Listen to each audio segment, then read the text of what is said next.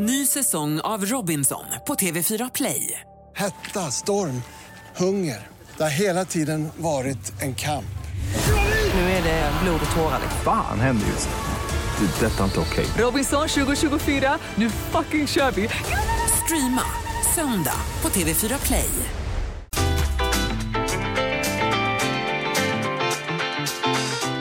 Lotta Bromé på Mix Megapol.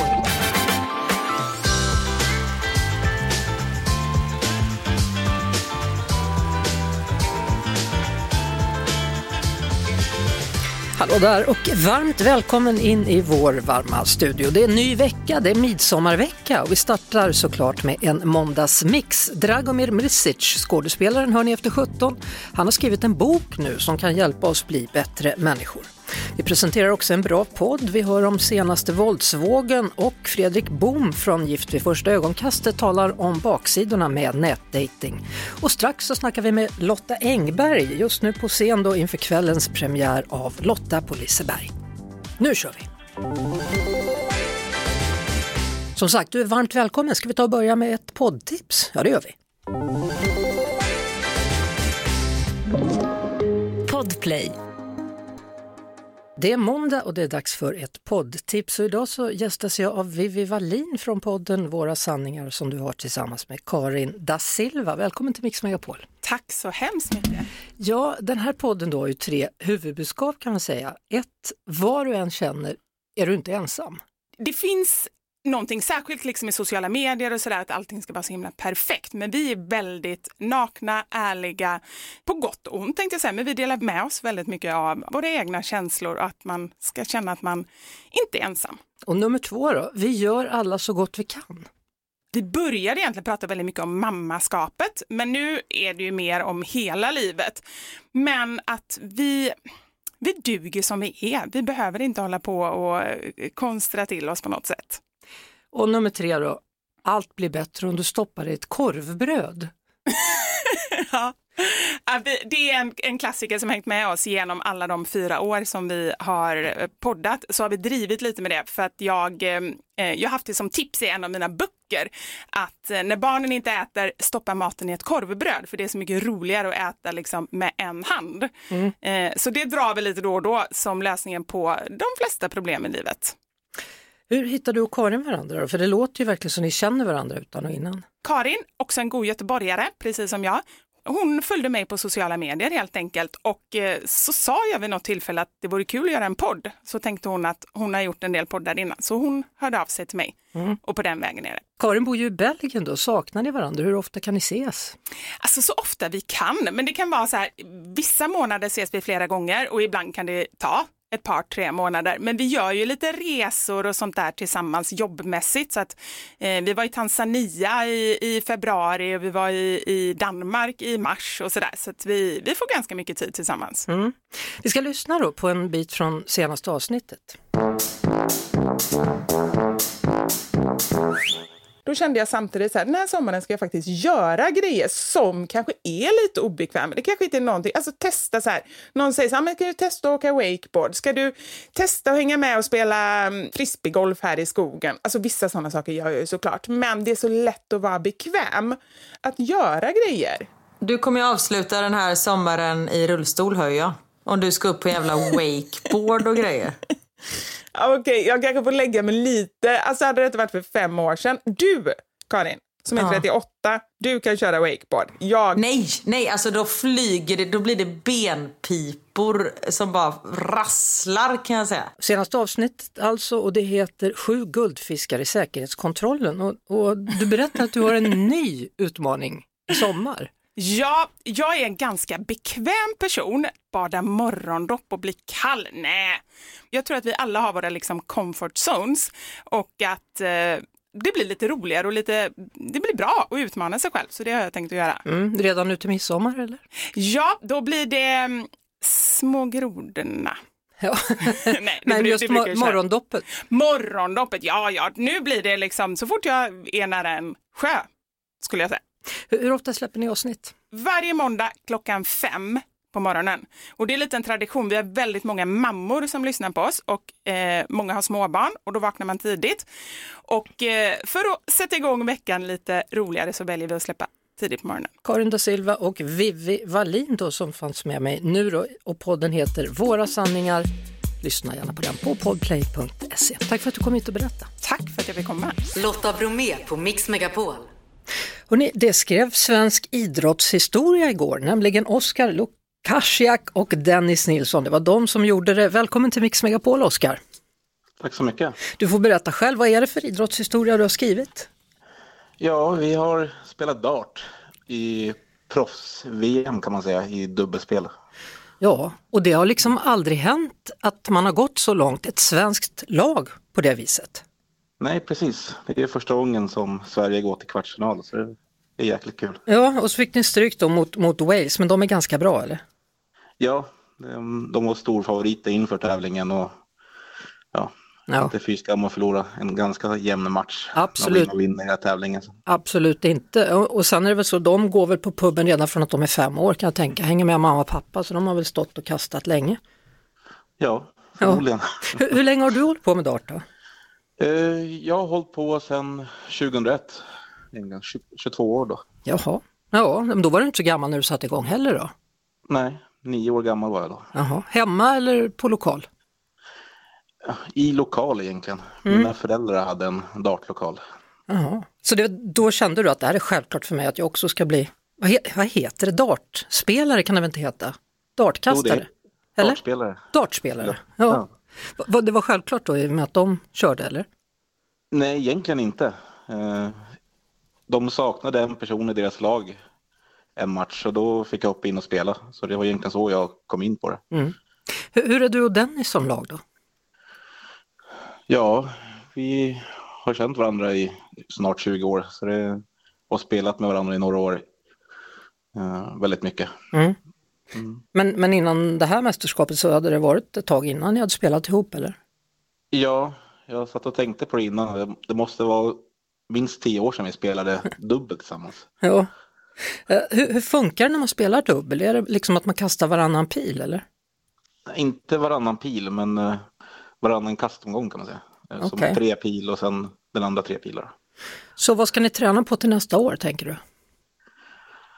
Ja, lite mer poäng och lite snabbare träffa utgången då. Så Ja. man kan stå upp mot dem ännu mer. Hur, hur ofta tränar ni? Eh, Varje dag egentligen. Mm. Eh, Efter jobb och sådär. Ja, ja. Har, du- har du eh, pilar som sitter i väggarna då med andra ord? Eller går du någonstans? Nej, jag har en darttavla hemma. Ja, ja. Och du träffar oftast den så du behöver, du behöver inte oroa dig för nya tapeter eller annat. Nej, inget Nej, sånt. jag förstår det. Än en gång stort grattis och härligt med lite svensk idrottshistoria, Oskar Luka- Lukasiak. Tack så mycket. Och hälsa till Dennis också då. Det ska jag göra. Och vinn nästa år. Det ska vi. Du lyssnar på Lotta Bromé på Mix Megapol. Darin med Watch the Point. Darin som ju kommer få ha en egen stund på Allsången i Stockholm. Men nu ska vi vända blickarna och öronen ner mot Göteborg. En gång är ingen gång, men två gånger är väl en tradition, eller vad säger du Lotta Engberg? Tre gånger en gång, gång säger man. Ja, precis. Vi pratar med dig bakom scen eller på scen inför genrepet då av Lotta på Liseberg. Premiär ikväll. Hur känns det? Nej, Alltså det känns jättebra. Det var kanske framför allt för att det är premiär för 20 gången och det är ju helt, det är inte klokt. Nej, och du har Nej. liksom aldrig känt att, att du vill bytas av som de... gammal. Nej, tänkte jag inte på. Men jag tänker på de, de i Stockholm, där byts det ju ut lite här och då. Men, men du kör på. Ja men det, det igen, igen, om vi ska skylla på någon så ska vi egentligen skylla på äh, härliga, underbara Kurt-Erik Holmqvist. Han finns inte kvar längre. Men han drog igång detta och han, han hävdade absolut att det skulle heta just Lotta på Liseberg. Och jag tyckte det var jättekonstigt först. Liksom, nej, det kan inte heta mitt namn. Det blir jättekonstigt. Men, men eh, det, det, det är väl därför jag får vara kvar. Ja, men sen har jag förstått att en gång var det nära att det blev Jill på Liseberg. Jill Johnson. absolut. Vad var det som hände? Ah, hon var fantastisk. Ja, nej, men jag fick, fick eh, alltså någon, någon sorts virus. Vi kanske ska fråga doktorn om det, vad det, vad det var, men något var det. Eh, som gjorde att jag i, i direktsändning tappade rösten. Ja, Och, och hon var så god därför att och jag hade faktiskt räddat henne när vi hade gjort konserten några år innan. när hon tappade rösten. Mm. Så hon, hon, eh, hon tog mina kort eh, och sa mycket riktigt i tv att nu säger, har Lotta skrivit att jag ska säga så här. Och jag ledde runt henne, jag gick bakom henne och visade vilken kamera hon skulle stå i. Det låter som ett fantastiskt program. Jag önskar det att jag hade sett det nästan. fall, ja, säga. verkligen. Ja, ja, hur, hur ja. skulle du säga att, att både du och programmet eller själva allsången utvecklats under de här åren? Ja, alltså... Och egentligen är det inte första ordet man tänker utvecklingen när man tänker allsång. För det är ju som att säga att man ska ta bort granen på julafton. Liksom. Mm. Det, det ska finnas en tradition i det så att det ska finnas låtar som man känner igen kan sjunga med. Sen, sen har det ju blivit, kan jag tycka, rappare. Det är liksom, alltså programmet är, är snabbare och vi har fler gästartister. Och, och, och man, man, ja, det, det, det, det är lite mer tempo i det och nya artister och Ja. gamla. Men om, om, om vi pratar om dig så har du ju blivit mer och mer van att vara programledare dessutom och göra intervjuer. Mm, ja, det är sant. Ja. Fast jag, ja, jag är ingen journalist. Nej, du är Lotta. Jag, jag är mest bara nyfiken. Ja.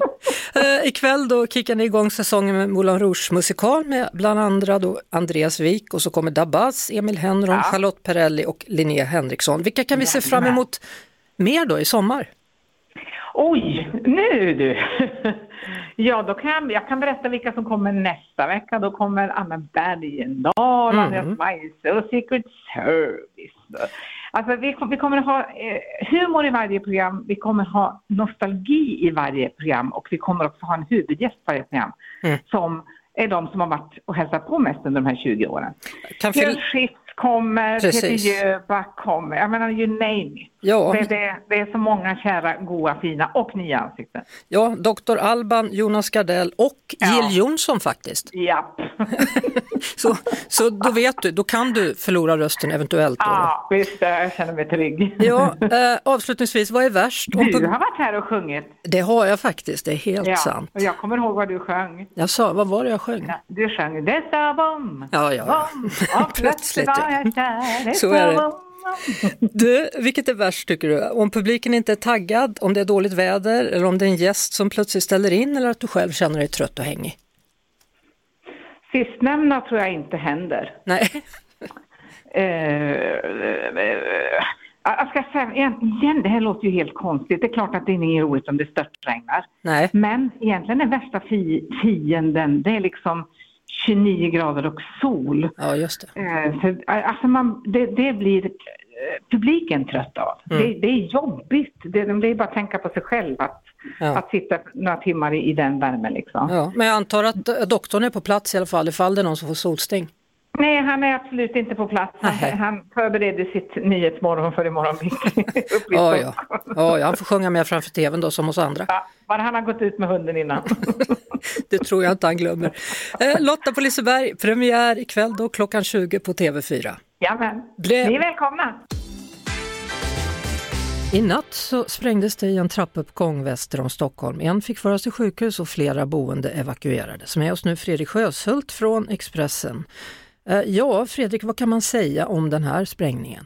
Det är ju en typiskt eh, det scenariot vi har sett gång på gång. Det är fullständigt hänsynslösa sprängningar i trappuppgångar eller utanför trapphus. Och det är ju ingen som verkar bry sig här om att det kan skadas folk. Men lyckligtvis, och eh, med någon slags guds försyn, så är det ju ändå väldigt få skadade trots att det varit så extremt många sprängningar av den här typen. Samtidigt så höll polisen i Stockholm idag då en pressträff med anledning av den senaste tidens våldsvåg. Vad presenterade man? Ja, man presenterade ju resultat då av de här särskilda insatserna som har döpts till Frigg och Frank. Man ska i Frigg slår mot eh, kriminella nätverk i hela Sverige, de som anses vara mest våldsdrivande och Frank handlar om att stoppa våldsvågen. Det finns väldigt många häktade just nu, det är rekord i antal häktade. Det har tagits över 100 miljoner kontanter från kriminella i den här Frigg-insatsen. Det är väldigt mycket pengar. Mm. Så det här var ju liksom framgångar som man rapporterar om. Men sen varnar man återigen då för att det är flera unga utförare, det är 14-åringar med automatvapen och så vidare. Så det är också en väldigt mörk bild som tecknas, även om det finns framgångar i att det är väldigt många som grips. Alltså det här med yngre människor, det är till och med så unga människor som 11-åringar som är inblandade. Ja, det går verkligen ner i åldrarna här, men man ser ju också vad, vad det får för konsekvenser. Det finns ett exempel på en skjutning planerad skjutning där de här ungarna helt enkelt tappar automatvapnet. Det var så tungt så han, han tappade det och då blev det också obrukbart. Så då blev det ingen skjutning den gången. Men det visar ju på hur de här ungarna kan ju inte hantera vapen. Vi såg det som hände i Farsta med väldigt unga män som skjuter uppenbarligen utan att bry sig om vilka som träffas. Flera då som träffas som uppenbarligen inte är måltavlor i det hela. Ja, man sprayar bara på ett torg och det är typiskt liksom att man har inget konsekvenstänk och ingen man tar inte någon hänsyn överhuvudtaget. Det finns inte bara en konflikt utan det finns flera olika konflikter. Det här sprider sig också ut över landet. Vi ser ju det. Ja, exempelvis Eskilstuna har sina konflikter. Det här kan vara relaterat också till narkotikahandel i Sundsvall och så vidare och så vidare. Så det är inget isolerat Stockholmsproblem på det sättet. Så vad är din analys? Kommer det fortsätta vara våldsamt i sommar? Det finns nog väldigt stor risk för det. Dels eftersom det här är ju väldigt många våldsdåd som har utförts. Sprängningar, bombdåd, skjutningar, mord. Och det är klart att det finns väldigt mycket hämnd att utkräva efter de händelserna. Sen är det uppenbarligen så tyvärr då att, att de här anstiftarna längst upp har väl inte åkt dit. Det finns en del anstiftare i vad skulle kalla för mellanled som har åkt dit och som polisen har kunnat gripa. Men framförallt så finns det väldigt många utförare i, bland de här ungarna som mer eller mindre tigger om att få utföra en skjutning eller tigger om att få utföra ett våldsdåd. Att det är så stor kö till att få utföra det, det är det som är det stora problemet och det är det som gör att det ser väldigt, väldigt mörkt ut. Låter ju helt osannolikt det du säger nu. Men vi har sett det här, nu är det ett antal polisutredningar som har kommit efter våldsvågen och i dem så finns det ju chattar där ungar tigger om att få vara med de blir besvikna när de inte får vara med vid en skjutning. Så det är verkligen en helt sjuk tillvaro. Det handlar inte bara då om pengar utan det handlar om att de, de vill skaffa sig status som en skytt eller som en våldsverkare för att få ökad status i nätverken. Och det går ju långt ner då i åldrarna till sådana som är födda 2007-2008, alltså mm. småungar helt enkelt. Tack så mycket Fredrik Sjöshult. Lotta Bromé och den perfekta mixen på Mix Megapol. Hörrni, det ligger en fråga ute och har gjort under dagen på Instagram stories, Mix Megapols Instagram stories med lite tips om vad man ska äta då på eh, själva midsommarafton. Krasan 90 skriver jordgubbar och kvarg medan Simon Hedman tycker jordgubbar och glass. Eh, tycker också Lene In 60, hon säger att jordgubbar och glass det fungerar för alla. Sen är det många då som tycker att man ska ha Pinocchio-tårta. Pinocchio-tårta ja. Alltså vad är en Pinocchio-tårta? Janne, du skakar på huvudet, vet du inte vad en Pinocchio-tårta är? Inte jag heller. Vi går vidare och återkommer när vi vet vad det är för någonting. Marängtårta är det många som tycker att man ska satsa på i alla fall. Och marängsviss med jordgubbar, jordgubbar, jordgubbar, jordgubbar, jordgubbar, bärpaj. Hemgjord ostkaka med färska jordgubbar och grädde skriver Esona medan Pernilla Strömberg säger Pavlova. Och det är ju en riktigt god bakelse. Lotta Bromé på Mix Megapol. Hörrni, den där Pinocchio-tårtan då, Alltså jag kom på, jag har ju faktiskt ätit den. Det är bara så att den här är liksom typen kärt barn har många namn. Den här Pinocchio-tårtan kallas också för Fredrik och flickornas tårta, Torre Skogmans tårta, herrgårdstårta, sommartårta, glömmingetårta eller Britta-tårta. För min del så heter den Anna-Lenas midsommartårta och den åt jag från att jag var åtta till vuxen ålder. Eh, sockerkaksbotten toppad med maräng, grädde och jordgubbar. Pinocchio-tårta eller i mitt fall då Anna-Lenas midsommartårta. Alldeles strax är vi tillbaka. Dragomir Mirisic, skådespelaren, kommer hit. Du lyssnar på Lotta Bromé på Mix Megapol. Det är Dragomir Mirisic som nu har tagit plats i studion. Välkommen! Tack snälla, tack snälla. Det ser ut som att du mår bra trots att du har operation av ögat på gång och andra saker. Ja, ja det, det är bara att bita ihop och köra på och vara glad för att man har duckat många andra grejer. Ja, hur är det med tån förresten? Jag hörde att den var ja, dålig. Den börjar bli bra. Jag hade lite svårt att filma idag och sätta på mig skor men nu börjar det. Nu är det två veckor exakt så det. Men stämmer det att du bröt tån på täcket? Ja, det är helt otroligt. Alla har sagt det. Men kom igen, ljug, säg att det var någon, du räddar några människor eller någonting. Men jag säger, jag kan inte. Men, men det måste ju varit ett tyngdtäcke tänker jag då. Ja, man kan tänka sig, men det var riktigt luftigt täcke, ja, lätt, så jag fastnade och sen slog i foten när jag försökte komma loss. Och...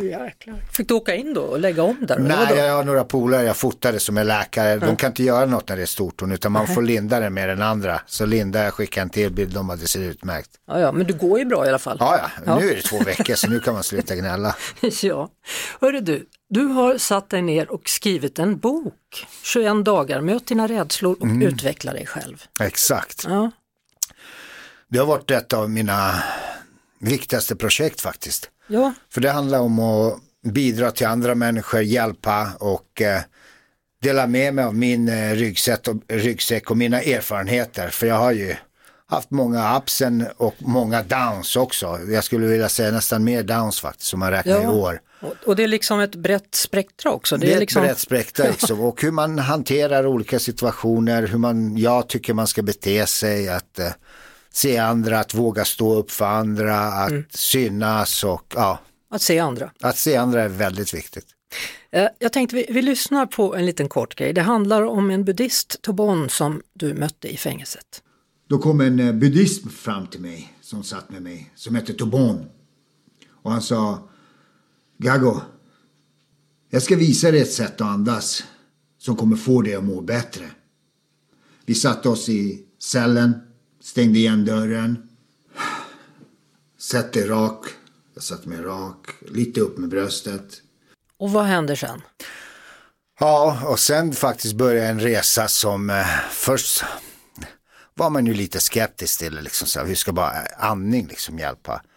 Men det fick mig att eh, släppa allt annat. Det, det är en av de få grejerna som, eller jag skulle säga den enda grejen som jag kan släppa allting när jag fokuserar på andningen. Så, så om vi gör det här nu då för att bli mer närvarande i vår lilla stund, vad ska jag göra?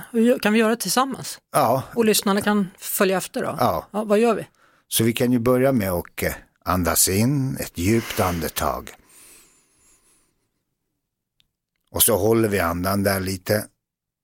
Och så släpper ut genom munnen. Ja, Och så andas in menar man ska bli yr här. och andas ut.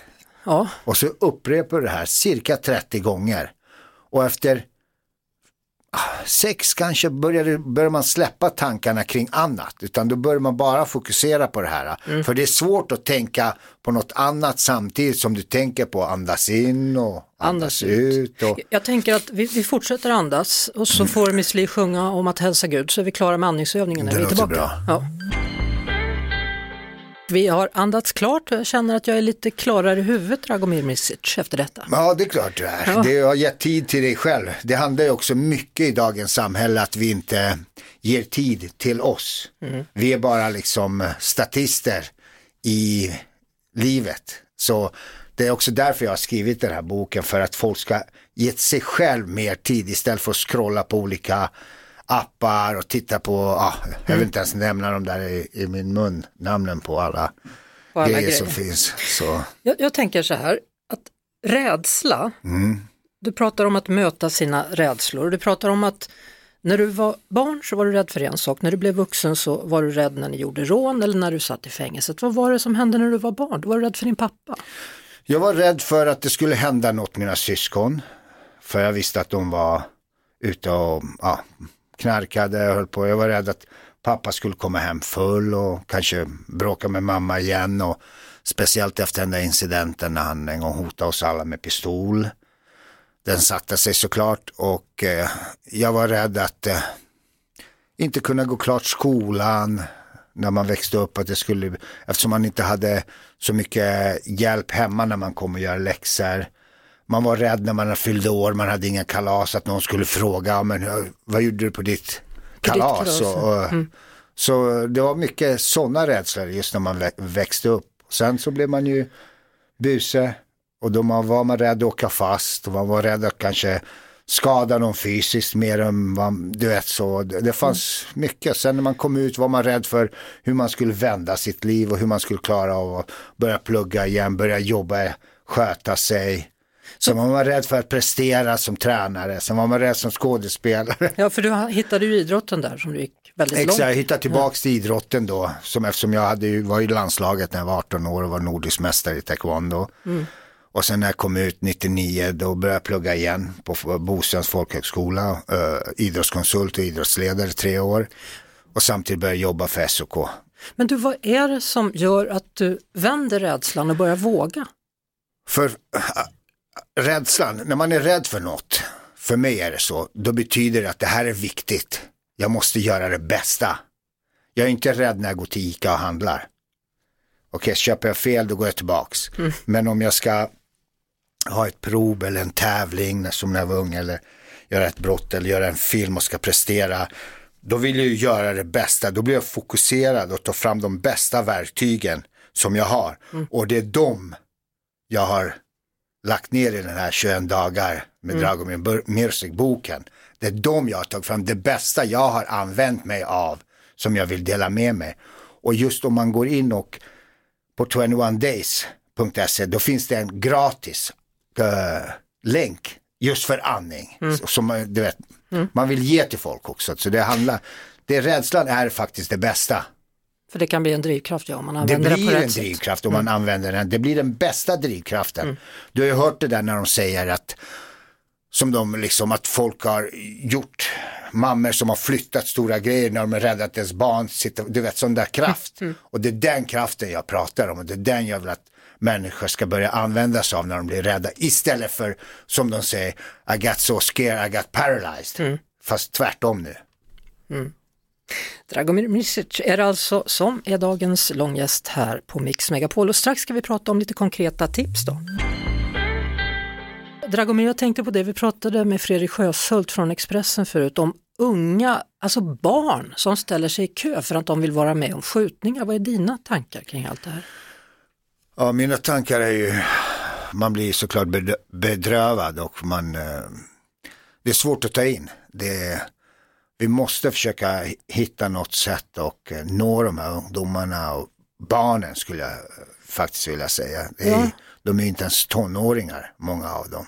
En del är 11 år Ja, precis, det är det jag menar. Det är liksom barn fortfarande och eh, de är, det, vi måste nå ut till dem på något sätt. Vi måste hitta förebilder för dem, folk som har lagt av och komma ut till dem, prata med dem och visa oss och visa att det finns möjligheter att samhället står bakom dem när det gäller positiva saker också. Mm. Inte bara de här äh, nätverken som stödjer dem utan vi ska stödja dem. Du har ju varit förebild men du menar att det måste komma några andra förebilder nu? Det måste nya komma som... nya förebilder. Jag är liksom nu gammal i branschen och det finns ju faktiskt väldigt många killar, även tjejer men främst killar då som har hoppat av och lagt av och bytt bana och eh, vi måste våga ge dem en eh, second chance. Att eh, de ska få komma och vara i en studio på tv, synas, prata och säga sitt tycke och visa vad det leder. Det, det jag har sagt nu i 15 års strid, att kriminalitet leder bara till döden eller fängelse. Och det måste de få höra om och om och om. Mm. Av de här nya också, inte bara mig. Du pratar om det i, i din nya bok då, 21 dagar möt dina rädslor och utveckla dig själv. Du pratar om vikten av livsregler och värderingar. Mm. Ja, det är ju alltså livsregler och värderingar, det är ju A och O egentligen att ha livsregler som man vill följa och lära sig att följa dem. Det kommer ta ett tag. Men har man regler och alla ungdomar och barn, de älskar egentligen regler och ordning och reda. Och det är det de inte har, det är en av anledningarna till att det går snett. Det är att man inte har det. Det bästa för mig när jag växte upp, det var när jag kom till en, min taekwondo-klubb. Alla var samma, lika värda. Vi hade, träningen började då, alla bugade, vi stod på linje och det var ordning och reda och regler. Mm. Och det är det vi behöver ge till de här yngre kidsen också. Och även oss vuxna som växer upp och Mm. ungdomar, all, alla behöver det. 21 dagar heter alltså boken där du har flera tips då, bland annat om livsregler och värderingar. I höst blir det en ny Hollywoodfilm har jag förstått. Ja, det blir lite action kan jag säga. Jag får inte säga så mycket mer, men Nej. det blir action på högsta nivå kan jag säga. En Aha. av mina, ja, en av mina idoler. Mer kan jag inte säga tyvärr. Nej, jag kan säga Arnold Schwarzenegger. Det är en Av dina tung snubbe. Ja. Ja. Tom Cruise han är för gammal nu eller för ung? Nej, men han har ju redan jobbat med Ja, så. så att det är inte så, Nej. nej det blir väl någon annan då de där, vilka det nu är. Chuck Norris vet jag inte om han lever längre. Nej, han kan knappt vara så. Vad finns det för några kvar? Ja, vad finns det för några kvar? Janne, du har koll på sånt.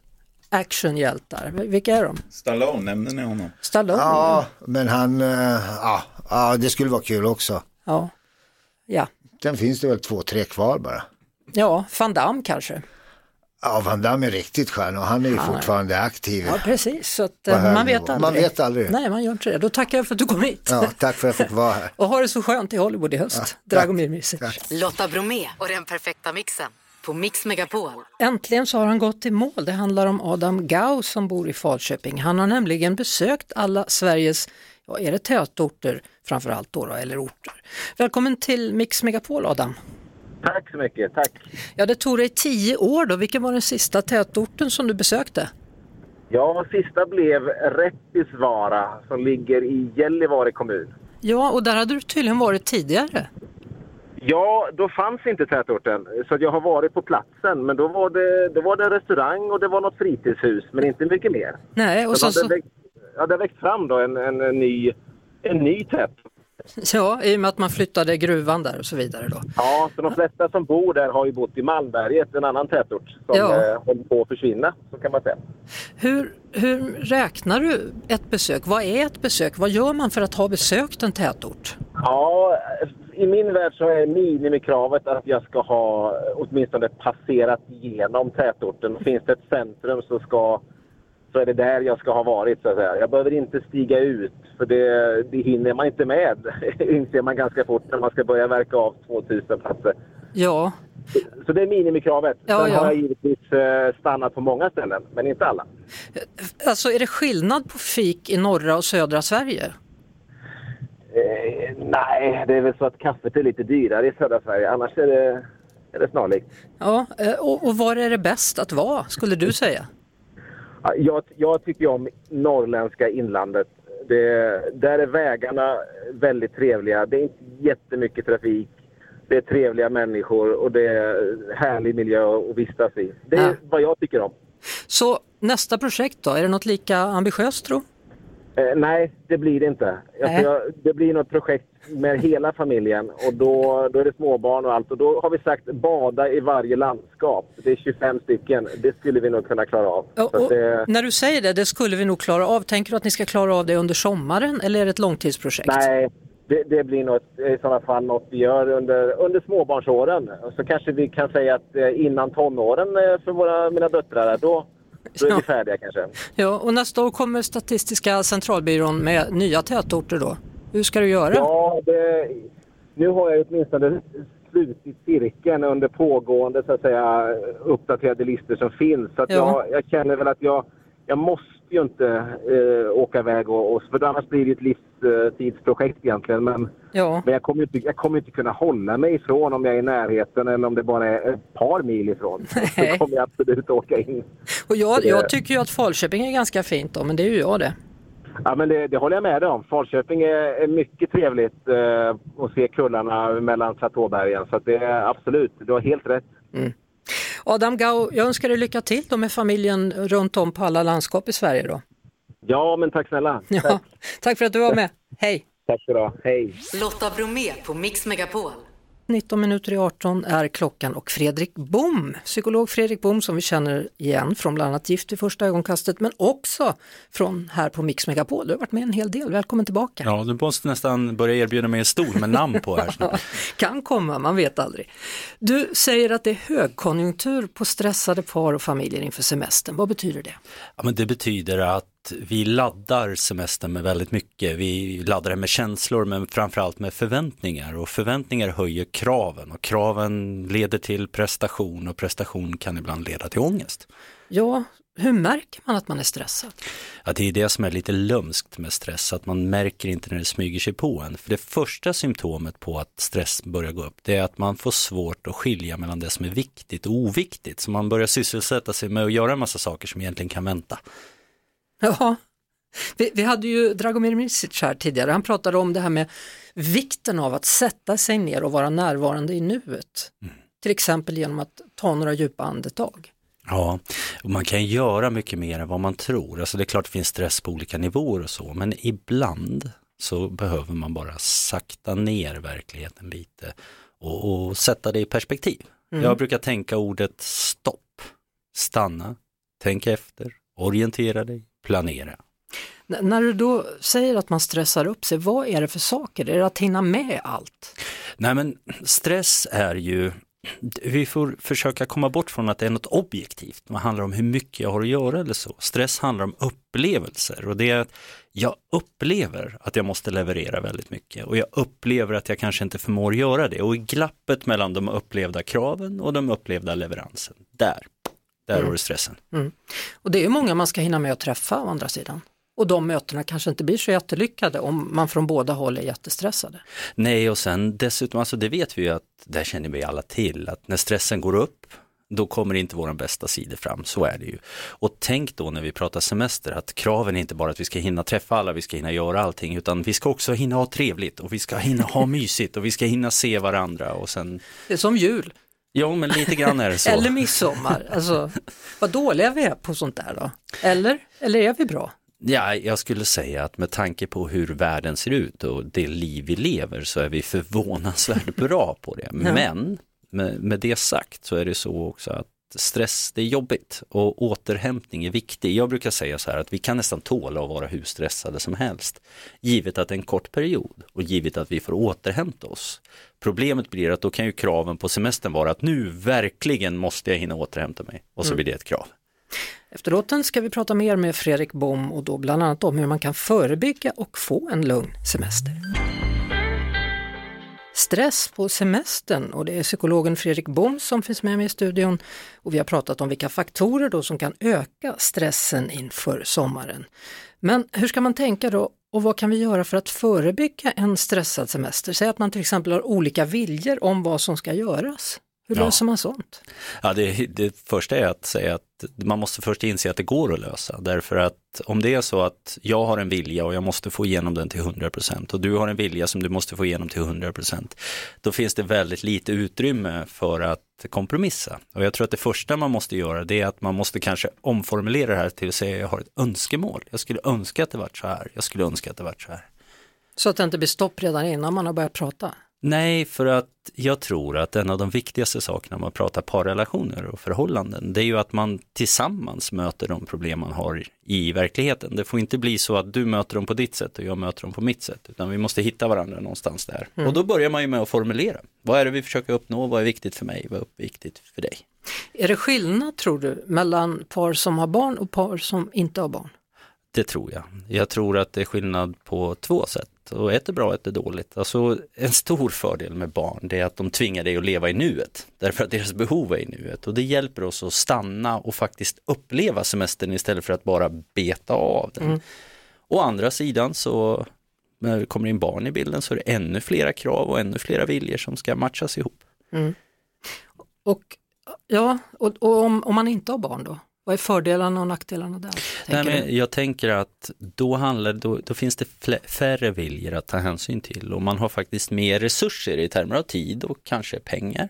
Och då kan ju kanske ett bra sätt att närma sig det här vara att säga att det här är viktigt för mig, de här upplevelserna är viktig för mig, den här känslan är viktig för mig och sen så kan du få servera samma sak. Och har man ett parförhållande som fungerar bra, då vill man ju i regel göra varandra lyckliga. Mm. Och man behöver inte hänga på varandra oavbrutet heller.